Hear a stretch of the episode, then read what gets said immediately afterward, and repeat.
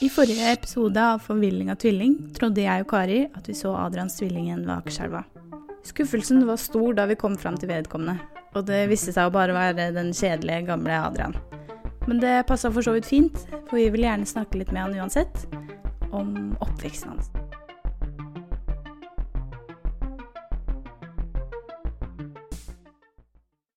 Kapittel to Fortrengt fortid. Jeg var nysgjerrig på Adrian. Hvordan var oppveksten hans? Hvem var hans favoritt-teletubby? Hadde han en usynlig venn som barn? Følte han på noe tidspunkt at det var noe som manglet? Som om Ja, som om han manglet noen å pisse kryss med? Her er Adrian.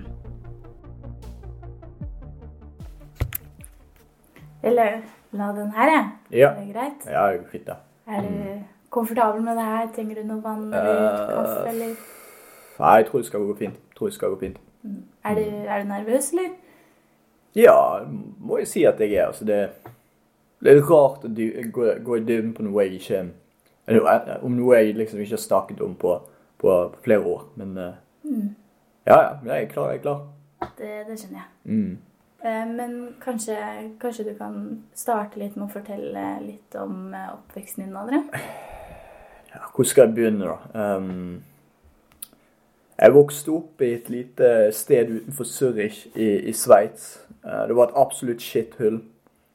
ene klassekameraten min mistet faren etter at han eh, ble skutt på jobb av en kollega. Andre klassekameraten min sin far var utro min tredje klassekamerat sin mor. Halvparten av foreldrene var alkoholisert. Eh, jeg og en annen utlending var de eneste som ikke ble invitert på bursdag fordi vi var utlendinger. Adrian forteller om en tøff start på livet. Han har sett mer enn den gjengse seksåring bør se. Videre forteller han om skole, mobbing, drugs, kvinner, rock'n'roll-livsstilen, smugling av flyktninger, ulovlig dyrehold, hemmelig bordell, underslag, kuppforsøk samt påkjørsel med sparkesykkel. Og samlivsbrudd, dårlig selvtillit, spiseforstyrrelse, hasjindusert psykose, og da han som 16-åring fant ut at han var laktosesensitiv. Mens jeg lytter til Adrians historie, merker jeg at det er en påkjenning for meg også. Da jeg gikk inn i dette prosjektet, var jeg jo forberedt på at det skulle bli noen tøffe tak, men jeg var ikke klar over at det skulle bli så tungt som dette var. Men det var noe jeg stusset over. Mens Adrian holder sin usammenhengende og borderline psykotiske monolog, nevner han plutselig en fantasivenn han pleide å leke med som barn. Og jeg, eh, Er, er dette bare noe jeg skal avfeie, eller kan det faktisk være noe mer? Jeg tok en råsjans. Eh, men Adrian, eh, når var det du slutta å leke med fantasivenner? Ah, Skal vi se, jeg vet ikke. Han bare forsvant plutselig når vi flyttet til Sveits. Jeg hadde en hypotese som var helt sinnssyk. Jeg spurte Adrian om vi kunne ringe mammaen hans for å spørre om hva som egentlig skjedde da familien flyttet til Sveits.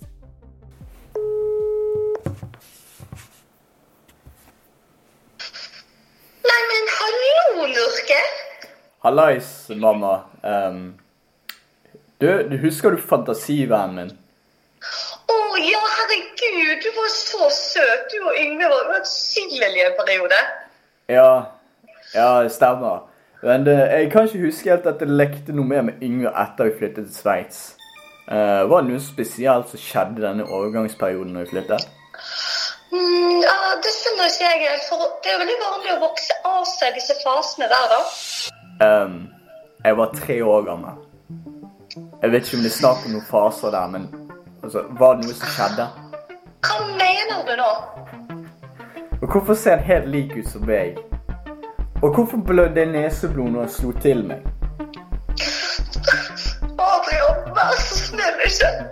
Hva faen, mamma? Du pisser meg jo i trynet. Jeg er sønnen din. Jeg kan lese ansiktet ditt som en åpen bok. Hva er det du skjuler?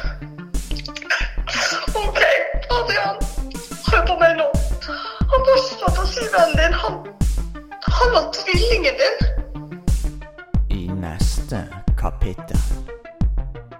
Vi løp bort til brua for å sjekke om Yngve hadde festet en klein hengelås for å feire lame evig kjærlighet. Og to timer senere hadde vi snudd hver eneste lås. Lest hvert eneste navn, med en forgjeves. Yngve var ikke til å finne.